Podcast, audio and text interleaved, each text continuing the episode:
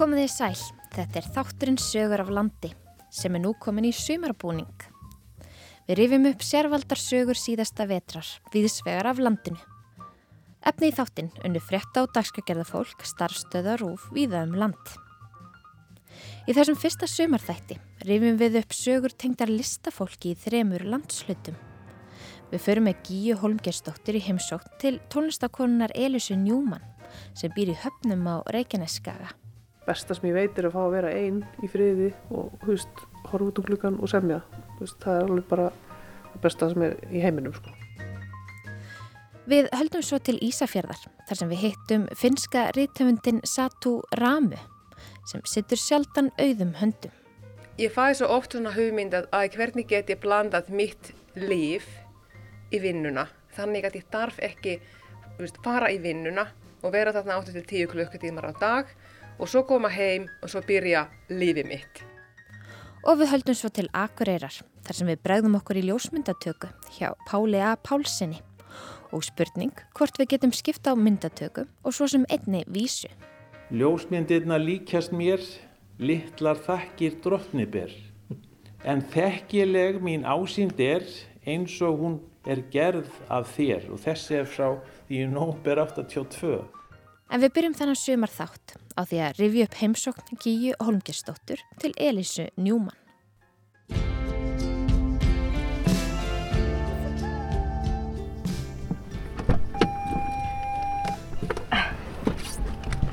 Sæl og blessu!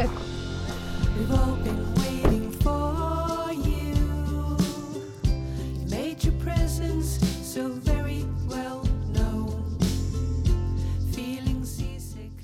Ég er komin í heimsók til tónlistakonu sem býr á samt fjölskyldu sinni í bláu reysulegu steinhúsi í höfnum. Þorpið er staðsett á vesturströnd Reykjaneskagans og dregur napsitt af tveimur fyrrum stór bílum á svæðinu, bæjónum Sandhöfn og Kirkjuhöfn sem nú eru báðir í eyði.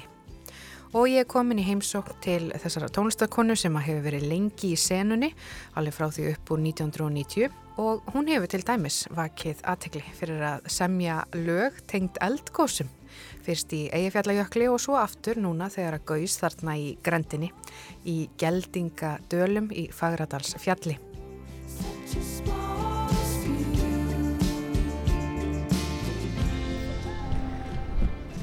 Herðu, það er nú alveg pínu rókina hjá okkur í dag. Nei, trúir ekki. Rók í höfnunum. Vindasamt, já. Við skulum koma inn og Já. fá okkur kaffi og setjast. Þetta var gott.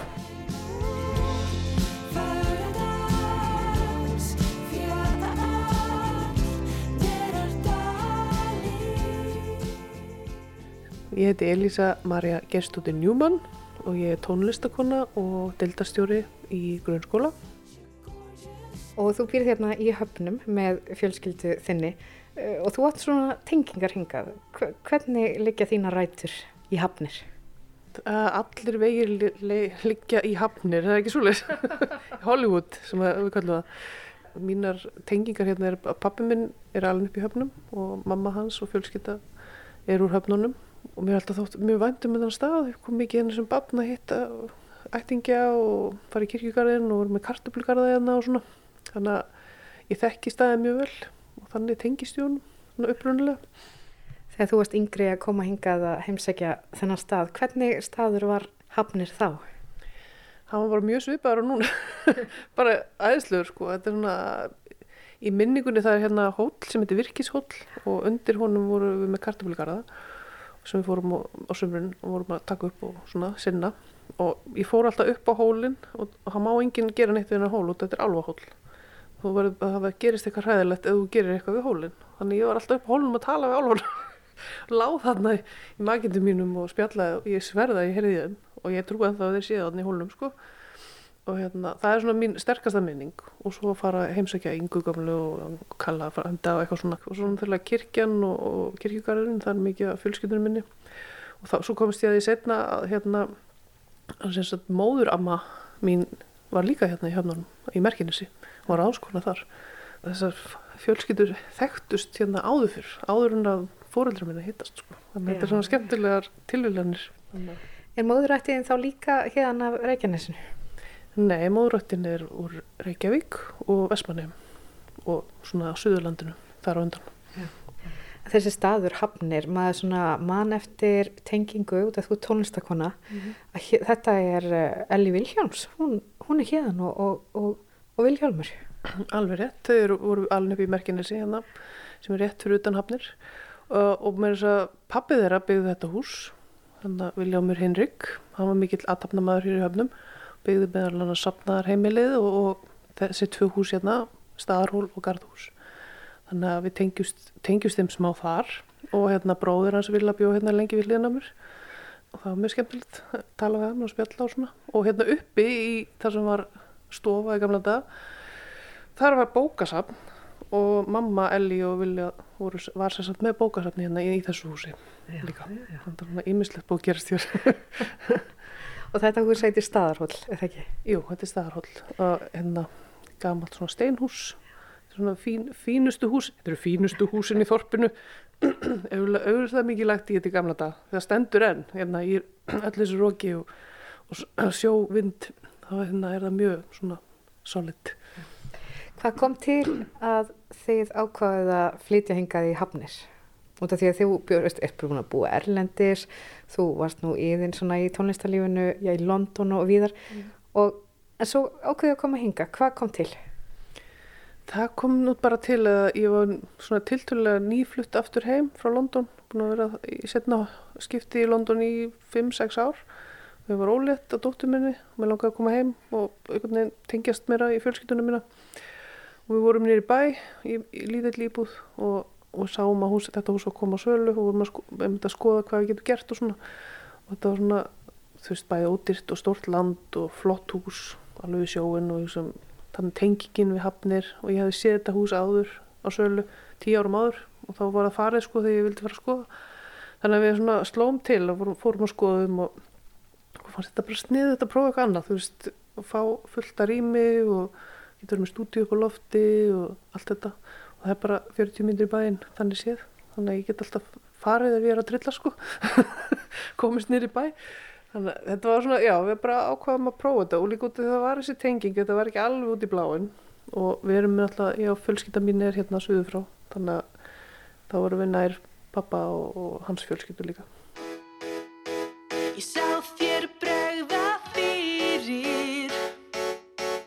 Það myndi mig á þína fornu fræð Hvað svona uh, tónlistarferiliðin, hvað er svona framöndan hjá þið þar? Það er bara, ég er alltaf eitthvað að bralla sko. Ég er alveg að, ég er svona komið tvo þriðju af, af nýri blötu, sérst fymtu sólablöðunum minni, hundraustu blötu í heiminum eða eitthvað, en hérna, en ég er alveg, ég hef bara, haslumunni eftir að klára bara smáadrið, fylgur og mix og þá er ég komið með nýja blötu sem er, sem er samin í þessu COVID uh, já, ástandi og, og þegar ég er koma út úr veikindum og svona hjálpaði mér alveg geðað mikið.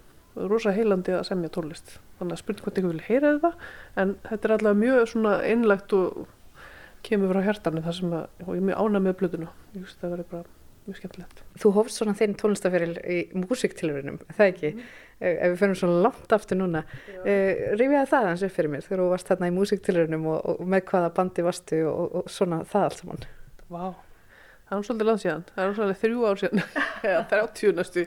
Uh, ég var náttúrulega bara brjálega rúlingur við vorum hann 16 ára fjóra stelpur úr keflaug sem fórum í mústilinu og með krókriðandi Og þá er rauðin komin að, eh, rauðin er komin að fjórðu hljómsveitinni sem keppir til úrslita í músiktilrunum í ár. Og þetta eru sigurvegararnir frá öðru undan úrslitakvöldinu. Hljómsveit frá Keflavík, úr tónlistar Víinu Keflavík. Þetta er fyrsta kvennasveitin sem kemur við sögu í músiktilrunum í nýju ár. Og uh, það er leikað eigin sögn indie tónlist. Þetta eru Elísa Geirsdóttir, söngkona og fiðluleikari.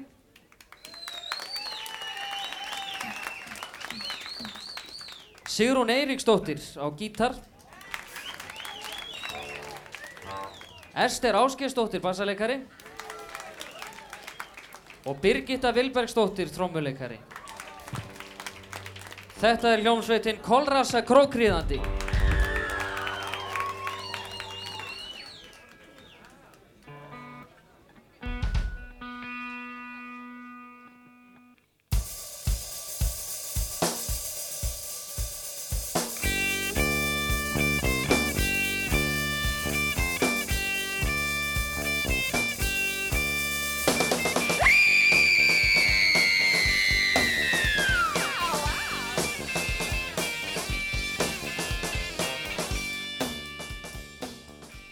þarna einhvern veginn að vipp okkur til sigurs og, vorum einhvern veginn á réttum stað á réttum tíma.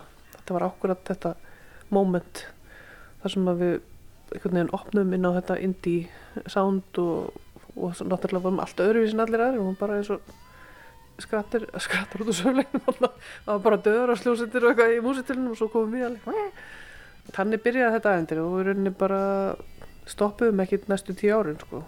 þá til ég bara vaknaði í London 20 og eitthvað ára og sagði, vá, hvað gerist? Þetta var geðut mjög skemmtilegt æventýri Svo varstu í London og tókst átt í senunni þar og, og svo á einhverjum tímapunkti þá varstu ólétt og ákveður að fara heim. Þannig, að þannig, þannig er þetta svona uh, í stuttumáli. Já, mjög stuttumáli, já. Ég, fór, ég var náttúrulega í London hana í fimm ár með, eða, þú veist, fór með hljónstinni upprunalega þegar við vorum að mega og svo hættum við að mega og ég fór í, í námi óperusöng svo kem ég heim aftur og svo fór ég aftur út í mastersnám og þá allt fyrir þetta aftur á stað í kringum lagið og þá fyrir ég að spila fullu aftur og, og svona rúlar á stað aftur og er aftur í fimm ár. Og þá vil ég vera ólétt og þá hugsa ég að ok, það er komið tíma að vera heima aðeins. Það var svona kallað á mig. Og ég náttúrulega hef ekkert stoppað svo sem í tónlistinni maður náttúrulega gerir aðeins minna með lítið börn en eh, veist, en maður er alltaf að semja og alltaf að gera eitthvað. Kannski bara gengur aðeins hægar fyrir sig endur en áður þannig maður hugsa bara um sjálf og sig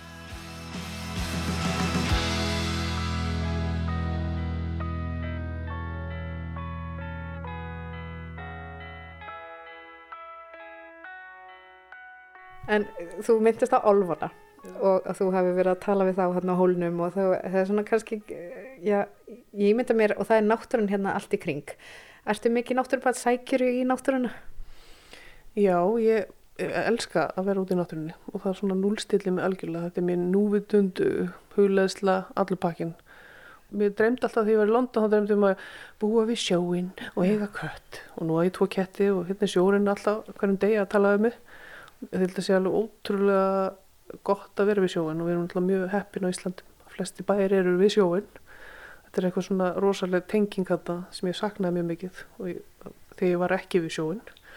Og einmitt þessi svona vilda náttúra, þú veist, þetta þetta er svona ekkert hérna oft. Mm. Sumum finnst þetta ljótt, en mér finnst þetta æðislegt. Þetta, er svo, þetta er svo hrátt og einhvern veginn það er svo mikið sannleikur í veist, það er ekkert búið að breyta neinu eða laga neitt, þetta er bara svona. Svo sé bara eldgóðsinn út um gluggana, bara yes. já, já, það gís vel í kvöld. Þannig að þetta er alveg næstu súrealist.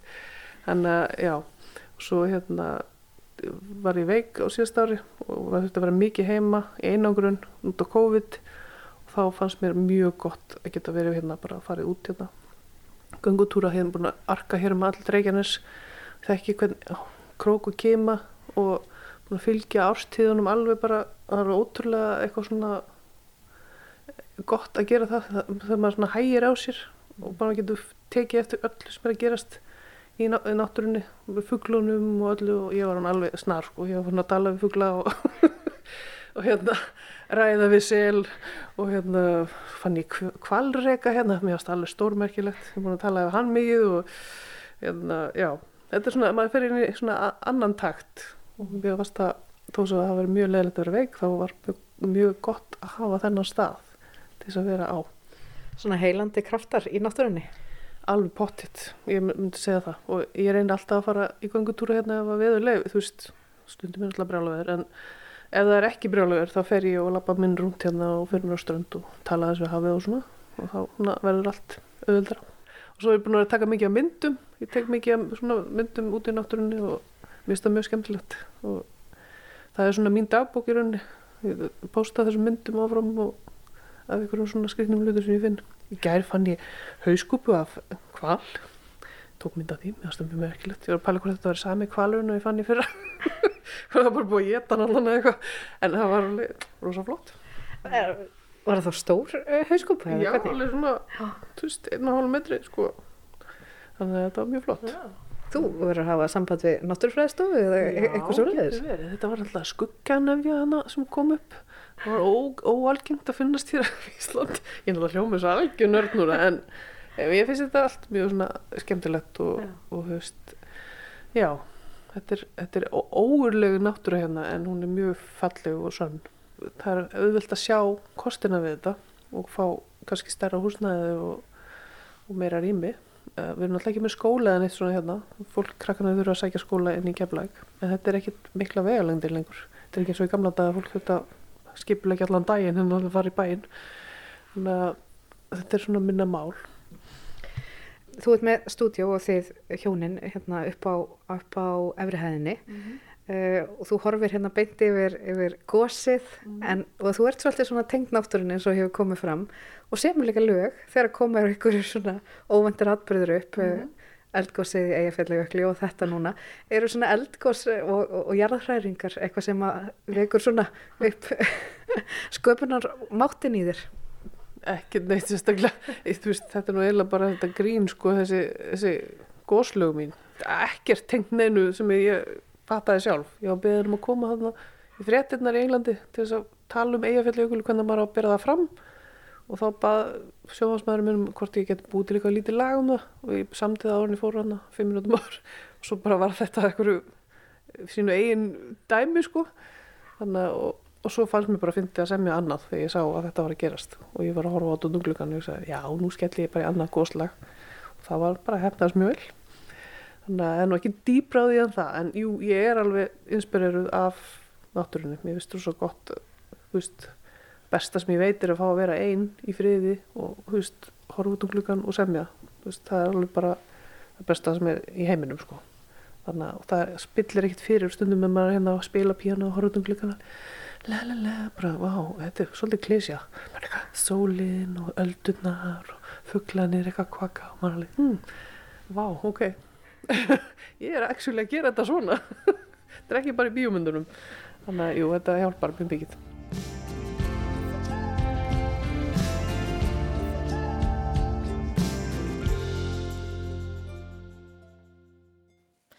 Gíja Holmgersdóttir rætti við Elisu Njúmann, tónlistarkonu sem er búsett í höfnum á Reykjaneskaga. En þá bregðum við okkur vestur á Ísafjörð. Þar hefur ritthundurinn Satu Ramu komið sér fyrir á samt fjölskyldu sinni. Við hittum hann á vinnustofu hennar í kallara kaffihúsins heimabygðar á Ísafjörði. No niin, Islannin yleisradiosta hyvää päivää. Mä olen nyt aloittanut kirjeenvaihtajana täällä Isafjordurissa. No en ole. Mua haastatellaan yhteen Finski radio-ohjelmaan. rithöfundurinn Satu Ramu er hér að setja sögu inn á samfélagsmiðlinn Instagram. Þar segir hún frá lífi sínu á Ísafjörði og í þetta skiptið frá því að hún er vist komin í útvarsviðtal. Ég heiti Satu-Liisa Maria Rämö. Hvað segir þú vinnu við? Já, sko þetta er mjög góð spurning. Og erfitt spurning út af ég er að gera hitt og þetta. Mér finnst langskemtilegast að vera rithöfundur. En eins og allir sem eru rithöfundar vita kannski að það er ekki alltaf nóg til að ná endanum saman að vera bara rithöfundur. Svo ég er líka svona lítill auglýsingastofa. Ég er að búa til auglýsingar til Finnlands á Ísafjörði. Hvernig lág leiðin fyrst til Íslands og svo til Ísafjörðar? Ég held að ég var svona örugleika tíu ára gömul, níu tíu, þegar ég fattaði að Íslandi er með hvenna fórsetti. Bíktis Lindbókadóttir var fórsetti þá og það var eitthvað frettir um hana í sjónvarpinu og ég svona, hmm, fórsetti, en hún er kona. Þetta var mjög skrítið í þessum tíma, það var svona, hei, vá, ótrúlega flott. Mér langar að fara þangað og kikja þetta aðeins betur og svo var ég í finska ríkisútvarpinu var sínd nonni og manni, kannski fólk muna þessi tásamlega barna, barna þætt og þá var ég svona, vá, þar eru þessi já, hvenna fórsetti en svo er líka hestar og kvalur og eldgós og Ísbjörn. já, ísbjörn, einmitt, að þetta er bara magnað og mér langar einhvern tímann að fara. En Ísland var svo langt í burtu að það var ekki hægt að gera svona víkuferð eða helgaferð þessum tíma. Svo þegar ég var í háskólanum í Finnlandi, í Helsingi, það var hægt að fara út til að læra út í eitt önn eða eitt ár á einhverjum háskóla og ég sá að þetta var háskóli Íslands, var þarna á listanum. Ég er svona, hei, núna hef ég tækifæri að fara og ef ég fer ekki núna þá fer ég aldrei. Og svo kom ég til að læra hagfræði og þetta var örugleika 2003, ef ég minni mér rétt, já einhvern veginn svo kveiktist svona áhuga að koma aftur og vera aðeins lengur og bara ferðast meira og svo kom ég bara oft til Íslands bara til að ferðast og skoða landið og hitta vini mína og svo ég hitti manninu mínum í kaffibarnum í Reykjavík. Já. Svona mjög klassisk, sem ég vissi ekki þá, það er einhvern klassisk svona, svona staður til að hitta fólk. Það var bara gaman að fa- að fara þarna á party og það var fyndu dagur, þetta var ekki alveg svona mega jammið en það var samt mjög skemmtilegt. Og svo ég fara að fló til Finnlands á sunnudaginn og ég hitti ekkan annan þessari helgi. Þannig að þá við bara hittumst og við erum gift núna og erum með tvö börn. Þannig að Já. svona fór þetta.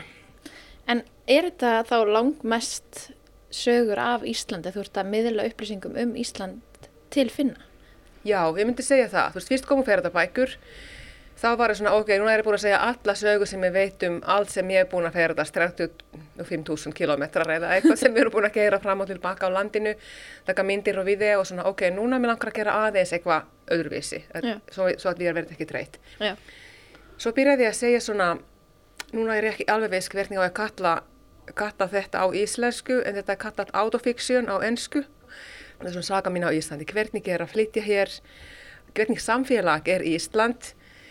Og bara hvernig er að búa hér sem útlendingur og læra að fara í fiskbúðina og kaupa fisk út af það er ekki eins einfalt eins og, eins og maður kannski hugsa fyrst, það er svona 20-30 tegundur og þú er bara svona, vá, ísa og lúna, ah, ok, hvað hva, hva ég að kaupa?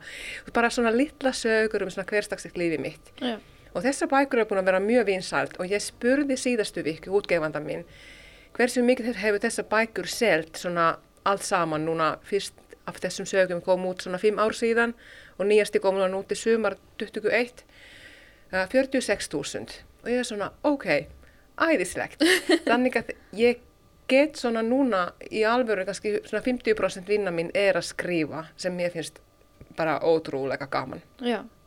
En þú sagðir að, þetta breytist náttúrulega líka mjög mikið. Fyrst voru þetta bara bækur og svo fyrir þetta meirinn á samfélagsmiðla. Já.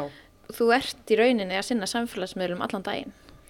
Já, ég er á Instagraminu svona 6-8 klukkutímar á dag og ég, það hljómar bara ekki gott ef þetta væri ekki vinnan mín.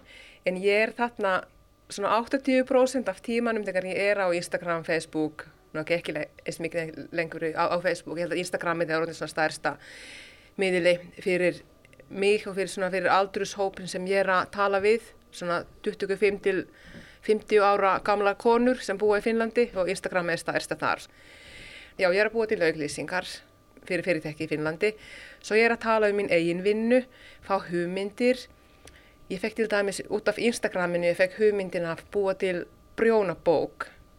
Ég get ekki brjónað, en vinkona mín, íslensk vinkona mín, hún er brjónari og hún er mjög góð í þetta og hún, veist, hún getur búið til uppskriftir, þetta hefur gert það mjög lengi og við, ákveðum, svo við bara ákveðum að byrja að vinna saman. Ég sé að vá finnar eru að prjóna svo ótrúlega mikið og mér er alltaf spurt, já, viltu ekki gera eitthvað svona upprunalega íslenska uppskriftir um lópapeysur? Ég er svona, að ég get svona brjónað kannski en get ekki, búið til uppskriftir og það ég er ekki svo íslensk að ég gæti búa til íslenska uh, uppskriftir fyrir, fyrir lópapeysur. En svo ég fekk þessa hugmynd þarna á Instagraminu og núna verum við að vinna saman með brjónabók. Og ég er að gefa út mína fyrsta glæpasögu í sumar og ég hef mjög mikið vinnað með svona hugmynding hvað gerist í bókinni og hvað er áhugavert, hvað er svona hræðilegt til að tala við fólk á Instagram. Mm. Við svona fólk sem lesi mikið eða hlusta mikið svona ljóðbækur og þannig. Það, þetta er, þannig að þetta er vinna en þetta er líka svona miðlið til að tala við fólk. Já, finna hvað fólk er að kalla eftir. Já, akkurat. Já. Miltä se äitin tekemä myssy näyttää? Hieno. Saakka olla kohta valmis. Joo. Ég var sem sagt uh, að leika með yngri dóttur minni. Ég brjónaði húfu og hún var að máta þessi húfu sem ég brjónaði og hún var svo hissa að vá, er húfan tilbúin, þú byrjaði í gær. Og svo vorum við bara að spjalla um það og hún, hún vildi endilega máta. Prjónabók, reyfari, ferðabækur, er þetta lýsandi fyrir breyttina í, í þessum bókum, þessum 22 bókum sem þú ert búin að vera að skrifa? Já, ég myndi segja það og ég er bara, ég fæði svo oft svona hugmynd að, að hvernig get ég blandað mitt líf í vinnuna. Þannig að ég darf ekki veist, fara í vinnuna og vera þarna 8-10 klukkutímar á dag og svo koma heim og svo byrja lífið mitt. Mér langar að ég fer í vinnuna og ég er að bara lífa lífið mitt og svo einhvern veginn reyna að gera pening með það. Svo þess vegna eru svona breytingar og að þetta er ekki lengur svo skemmtilegt, núna lang- mér langar að prófa eitthvað annað. Og, og núna er þetta hægt út af, það er svo margt sem er hægt að gera á netinu. Þetta þarf ekki mæta á sama vinnustaf á hverjum degi og sérstaklega eftir COVID, engin, þú veist, það er engin engur spurt mér að, hei, hvað er þú að gera og hva, hvar er þú að gera allt þetta, þú veist, getur þú ekki mætt einu sinni í fund? núna, það, núna er bara allir í Zooms og Teams og ég er svona, ok, ekki þarf að segja eitt svona pínu jákvæð máli þetta tvö, þrjú ár sem er búin að vera, tvö ár núna, þetta mjög örfið tímabil annars, er það að svona remote vinna er orðin meira algengari og ég er bara svona, ég, ok, það er gott. Já, talandum hvar þú ert stödd, þú ert hérna búin að koma þér fyrir í kallara á Ísafjörði, hvar, hvar vinnur þú, hvar, hvar er vinnaðinn? Vinnan mín er í miðbæ Ísafjörðar, er kaffihús heimabyggt er hérna fyrir Rófan. Heyrist kannski þess vegna stundum svona smá bröld, ég veit ekki hvort að hlustundur heyri það en það er búið að vera nóg að gera hérna uppi. Já, og þetta er mjög kósi að vera hér í kallara, mjög stutt að fara í kaffi, mjög stutt að fara í að æfa eða út að hlaupa og við búum bara rétt hjá, þannig að ég þarf ekki nota bíl nema ég fer á upp á skíðasvæði. Og Já. þetta er, þetta er það sem ég gata luxus. Fyrir mig luxus er ekki nýjasti bíl eða stór hús eða stór íbúð eða eitthvað klæsileg sjónvarp. Fyrir mig luxus er að ég fer í vinnuna, mér, mér, ég geri það sem mér finnst skemmtilegt, svona nestum því alltaf skemmtilegt og svo að ég get bara lappað allstaðar og fara á skíði eins oft eins og ég get og eins oftast eins og það er snjó á fjöllunum. Já.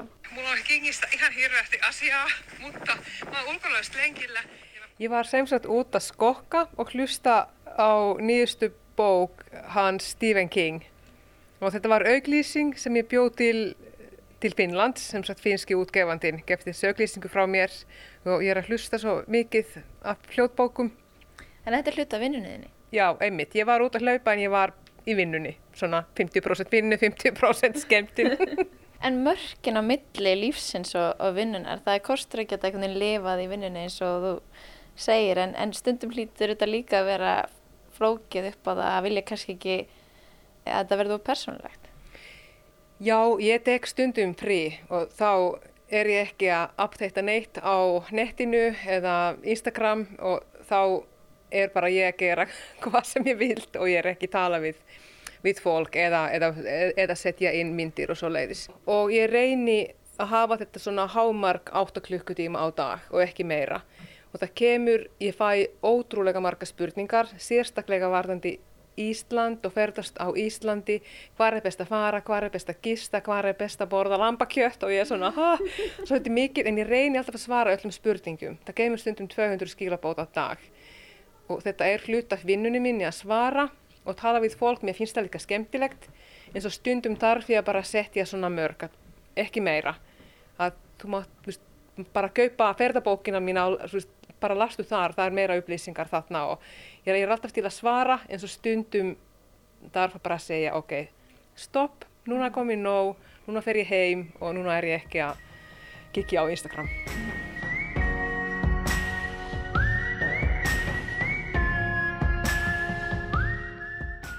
Það er ekkert mjög langt síðan að þið fluttuð á Ísafjörð. Nei, við komum hingað bara korter fyrir COVID. Já. En hvernig kom það til að þið ákveða að flytja á Ísafjörð? Sko, um, við höfum alltaf verið mjög svona hrifin að fara út veist, á fjöllum, fara, veist, gera langa göngutúrar, fara út með hesta, uh, fara á skíði, maðurinn minn er mikið að klifra og líka dætturnar okkar tvær. Við erum öll svona mjög mikið að vera úti og gera alls konar þar. Og þegar við, við búkum í Reykjavík fyrir 15 ár í miðbæ og það var klæsilegt og Reykjavík er flott borg, en það sem var svona pínu leiðinlegt var það að við þurftum alltaf að taka bíl til að fara út í náttúru. Eða keira kannski klukkutíma að fara á skíði eða taka hjóli með og keira einhverjum stað til að fara út að hjóla. Núna getum við bara farið út og við förum bara beint að hjóla eða, eða, eða hlaupa á fjöllum eða hvað sem er. Svo ég held þetta náttúran einhvern veginn var að við vorum að spá, ok, reynum eitt ár, förum, förum út, út á land, eitthvað svona lítill bæ, samt að skólinn er nálegt, svo að við þurfum ekki að keira á hverjum degi, þetta væri bara svona einhvern veginn svona rólegt lífstíl. Þetta væri þjónusta, það væri beint flug frá Reykjavík út af stundum út af vinnuna, þarf að fara í, í, í Höfuborg. Og við vorum bara að skoða landakort, svona ok, hvar væri skemmtilegt að búa í? Og svo það var að strax svona, já, náttúrulega á Ísafyrði, mm -hmm. fjöll og veist, þetta er svo, einhvern veginn svo frábært flott svæði. Og svo við góðum bara hingað, við, við ætluðum að vera í eitt ár, en svo byrjaði ánum með tvö og við erum svona, ok, kaupum bara íbúð og erum aðeins lengur. Og svo við bara sjáum til, við erum búin að vera hérna einmitt tvö og halvt ár bráðum og þetta er bara ennþá ótrúlega gaman, Já. þótt tíminn hefur verið svolítið spes út af COVID en En þið eru búin að kaupa ykkur hús og, og og laga það, Já. og maðurinn minn er að vinna hér á Ísafjörði, börnin eru í skólan og þeim finnst báðar svona að förum ekki alveg strax tilbaka til Reykjavíkur, það er, þeim finnst mjög gaman að fara í heims og hitta gamla vini og fjölskyldu og svona, náttúrulega, en þeim finnst líka mjög gaman að búa hér, bara svona lítill, svona frekar lítill bæ, skólinn rétt hjá, frábær dólistaskóli, það er svo mikið samt til þó þetta er mjög lítill. Já.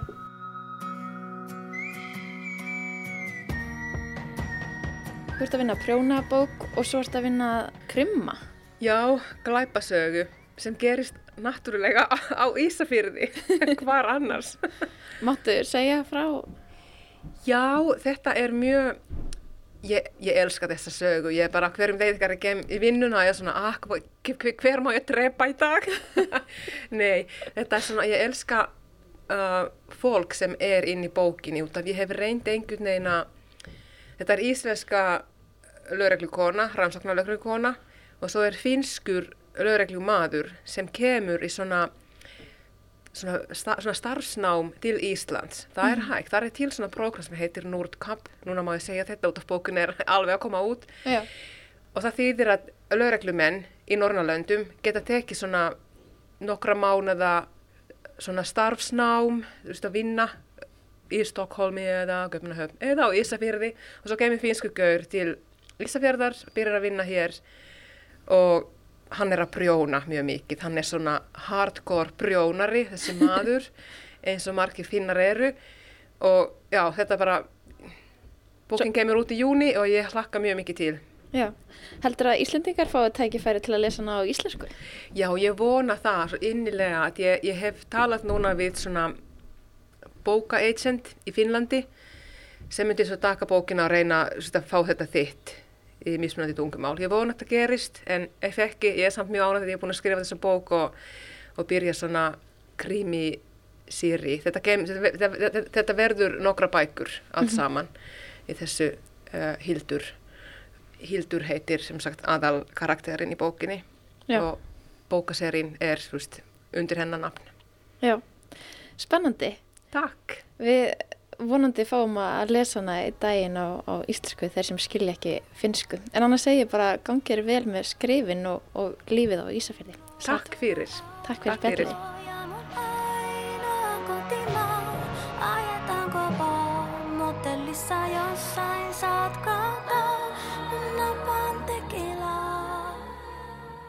Við heyrðum þarna í Satu Ramu, rítöfundi, sem er einnig áhrifavaldur á samfélagsmiðlum.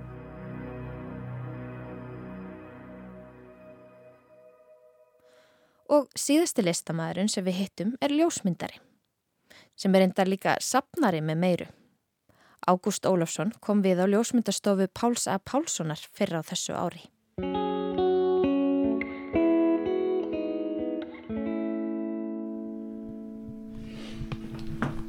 Þetta er bara mín.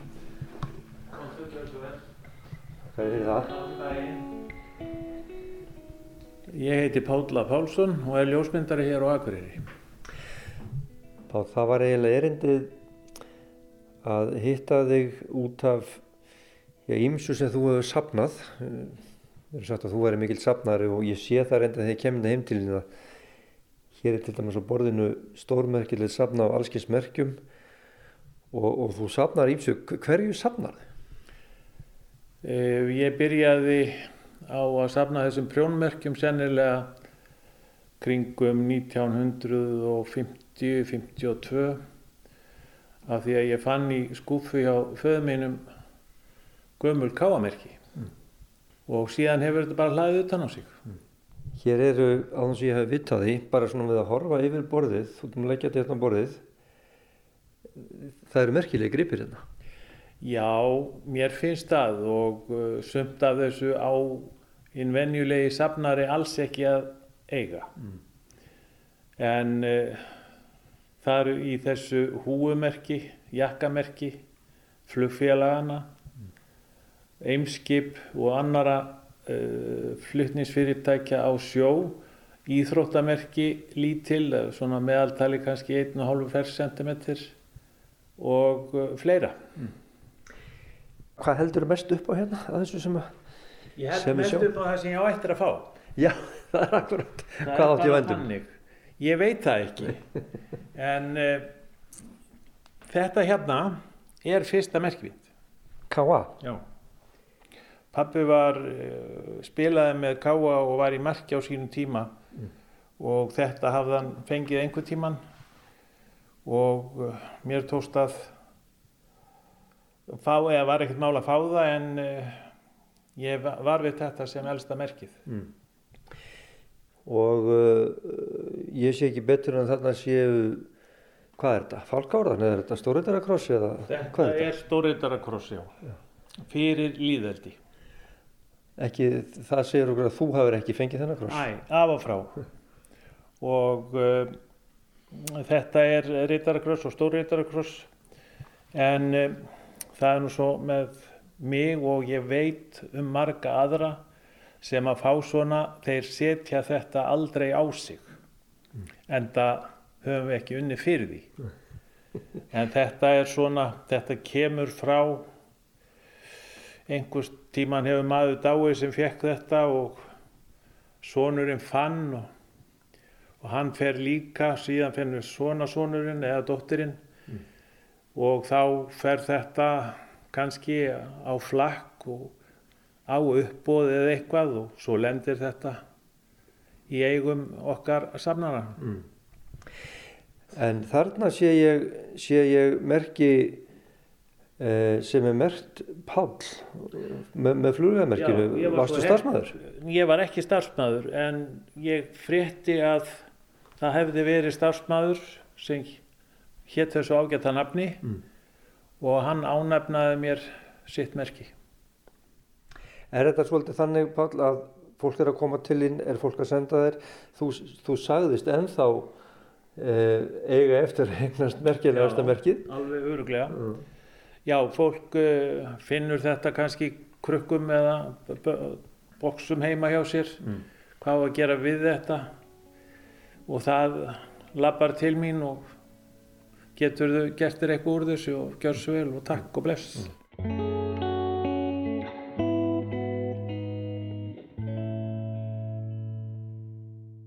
En þetta eru pinnarnir, Páll, þetta, eru, þetta er merkjasafnið þitt. Hver- Hverju safnaru meira þessu? Ég tók upp á því fyrir nokkru, já ég hef nú búin að vera alltaf lengi í starfi en uh, einhvern tíman 70, og- kringu 75 þá vann við hliðin á mér Bjarni nokkur úrsmiður Jónsson. Það var þunnur veggur á mill okkar og ég heyrði alltaf til hans eða svona eitthvað óm laði einu sinni við hlustur og þá var hann að fara með kveðskap og þá datt mér í hug, heyrðu, Bjarni getur ekki gert vísum mig.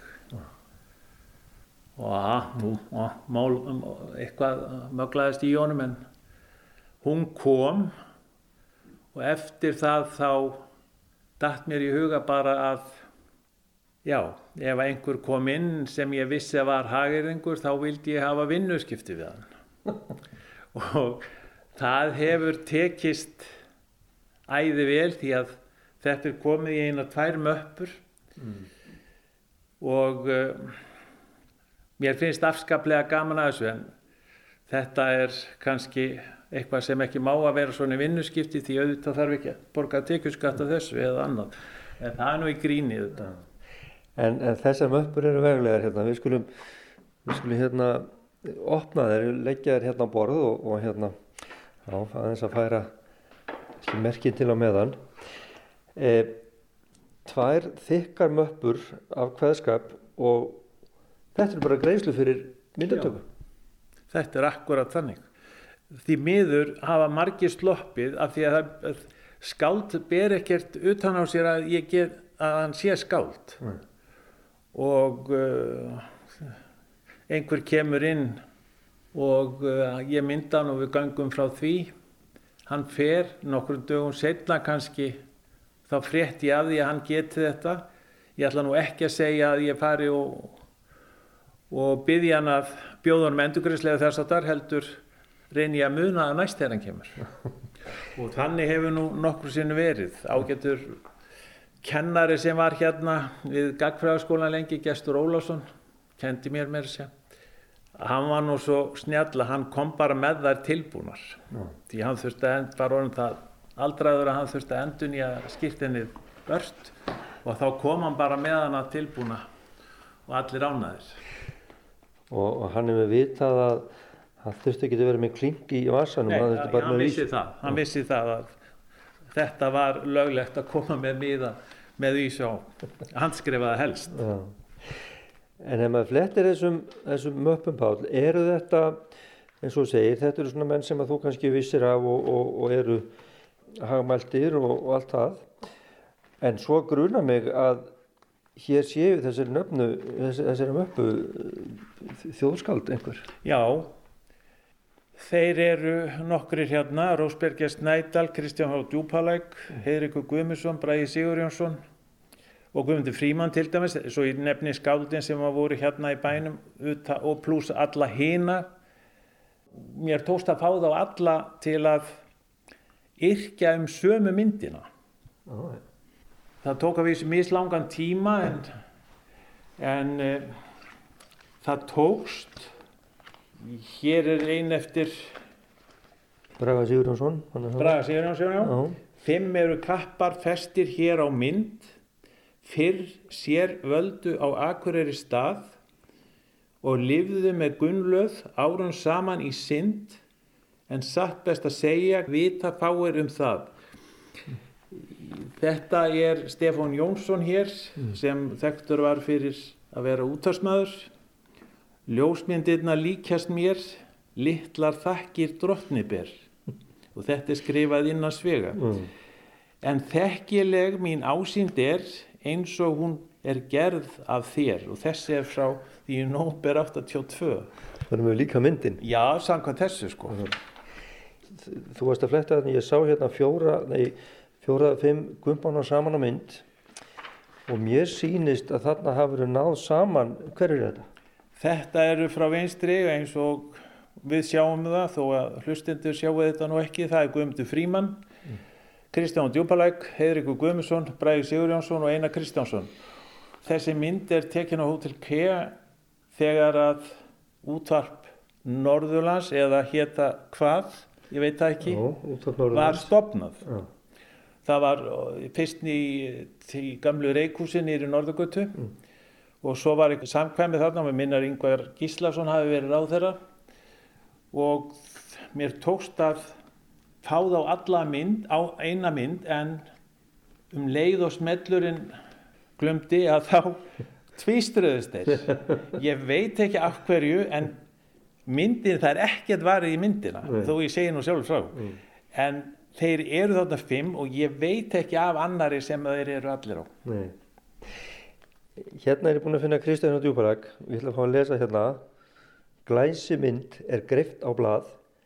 Hitt gildir öðru máli að ekki er mér að þakka það. Og það hann að síðu Páli. Hinnum mikla myndasmið maður þakkar getur og þess er engin von að við vinnum honum betur. Þetta er hérna, þetta er svona hálkæringur, þetta er bæði rós og, og löstur. Já, Kristján var náttúrulega, það var engin betur en hann. Mm. Hann eh, átti auðvelt með að gera þetta og, og gerði þetta virkilega vel. En svo eru hérna náttúrulega bara innan gæsalappa vennilegt fólk á guttinu og, og hér eru bændur og, og hinn eru þessir.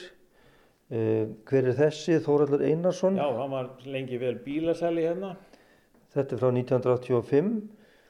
Vonir góðar við það bind að verði að litlu máli fái skyndi skýra mynd í skýrtinni hjá Páli. Já, þetta gerðan.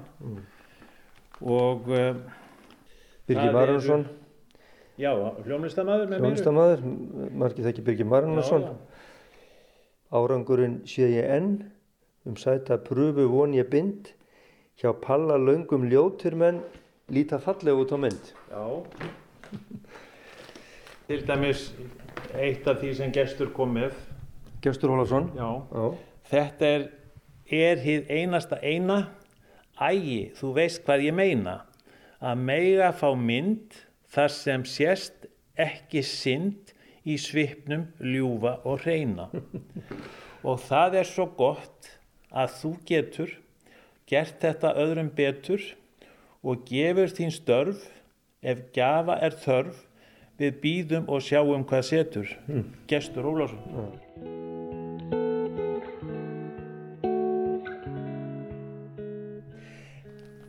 Ég, ég, mér finnst bara sjálfsagt Páll að allt þetta safn hér, þú, þú reynlega gefur þetta út. Þetta er efni í stórkostlega ljóðabók frá hinum og þessum. Já, það er náttúrulega hver blaðsíða með sinn höfund. Ég veit það ekki, ég, það er svo sem því hefur verið velt upp við mig en ég er allavega ekki búinn að gera það. Nei. Hér er einn eftir Björn Þórleifsson. Hver er Björn Þorleifsson? Hann var skólastjóri og kennari. Sagt er það kjarni eins margsannans máls er margir í grendinni vitum að gott er að labba með pöntun til Páls ef portrétt þig vantar í litum. En hrukkgott er orðið mitt andlit og greitt og alls ekki fagurt að líta. Ef mynd á að hefnast held ég þessi best að hafa hana svart hvíta. Já, það er ímsar útgáður sko. Já. Stoltur brosir, skýrtan hrein, skiptir engum máli, útkomin er alltaf einn, afmyndun hjá Páli. Já, þetta er skólabróðum með Reyni Hjartarsson Mm. Af húnveskum ættum komin, Kjastar Gíslason, rítuhundar. Ertu enn þann dag í dag að fá greitt fyrir ljósmyndun með ljóðum? Já, ég er að gera það. Það er svo gaman að því að þeir koma með þetta stundum og, og sumir vita þetta ekki og en þá hefur maður séð eitthvað eftir þá og þá ber maður upp erindið og allir hafa nú tekið því vel. Þannig að þú neytar, þú neytar peningum frá manni sem þú veist að kunna yrkja. Já, ég geri það alveg hygglust. Sko þetta eru hér- hérna ertu með, sko þú fletti hér hverju stórskáldinu og fættur öðru. Já, það er rétt. Mm. Við skoðsti að mínum ötti, ég hef aldrei. Hér er hringkanda. Mm. Baldur Eiríksson, gengur Páli verki vel, varla fipast getur, lengur honum tæpast tel, takist öðrum betur. Betur öðrum takist tel, tæpast honum lengur, getur fipast varla vel, verkið Páli gengur. Þetta er Baldur Eiríksson. Hér er fyrsta vísan. Bjarni frá Gröf. Já, úrsmiður. Já. Ég nýti Páli heiðus krans. Hann er bæði snjall og fyndin. Alltaf virðast verkin hans vera betra en fyrirmyndin. Já, hér er til dæmis eftir kollegaðinn. Afar ljósar eru mér, ymsar mínar syndir, en kæri Páll, ég þakka þér þínar góðu myndir. Með bestu kveðju, Grímu Gíslason, sem talar ekki lengur frá Blöndósi, heldur frá öðrum stað.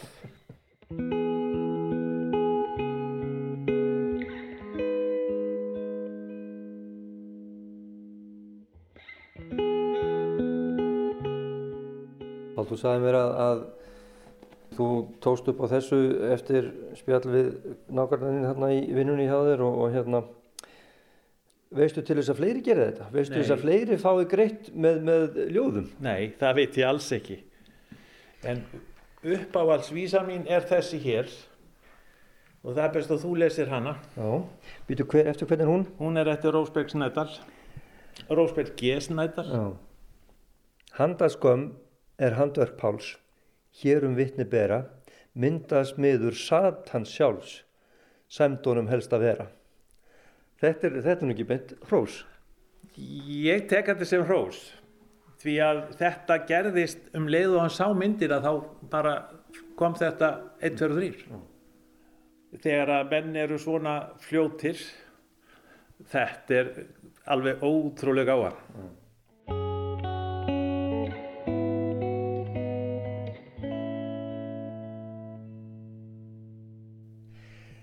Pál, þakka þér kjalla fyrir spjallið, við getum verið hérna lengi en eh, hvort finnst þér merkilegra að eiga til dæmis öll merkin, alla pinnana eða, eða öll þessi ljóð?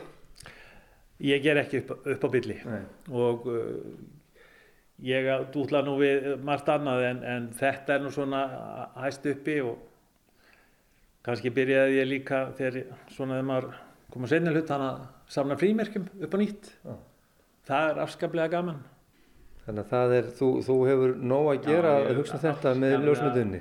gaman að því að þegar maður kemur úr vinnunni og já, sest maður bara niður og fer að velta þessu fyrir sig, ræða þessu niður eða, eða gera eitthvað Þetta er sérstöka áráta að safna. Já, en má ég spyrja þig að því ég sé að þú nota glerugu áttu ekki önnur Já, reynda nokkur. þá áttu safnari Já, þannig að, að þetta ástriðaðin er þetta einhver staðar. Já, hún er í öllum Takk fyrir spjallið. sem leiðist takk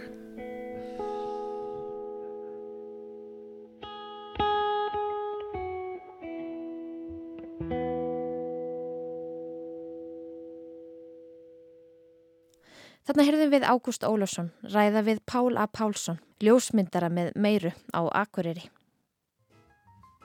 En þá kom að lokum hjá okkur í þessum fyrsta sumarþætti sagna af landi, þetta sumarið. Auk þess að rifja upp innlit til Pálsa Pálssonar, ljósmyndara á Akureyri, hittum við finska réttöfundin Satu Ramu sem er búsett á Ísafjörði og tónlistakonuna Elisu Njúmann sem býr í höfnum á Reykjaneskaga. Við minnum á að þennan þátt og aðra sögur af landi síðasta vetrar og fleiri til má nálgast í spilararúf og öðrum hlaðvarp sveitum. Við þökkum þeim sem hlýttu, lifið heil.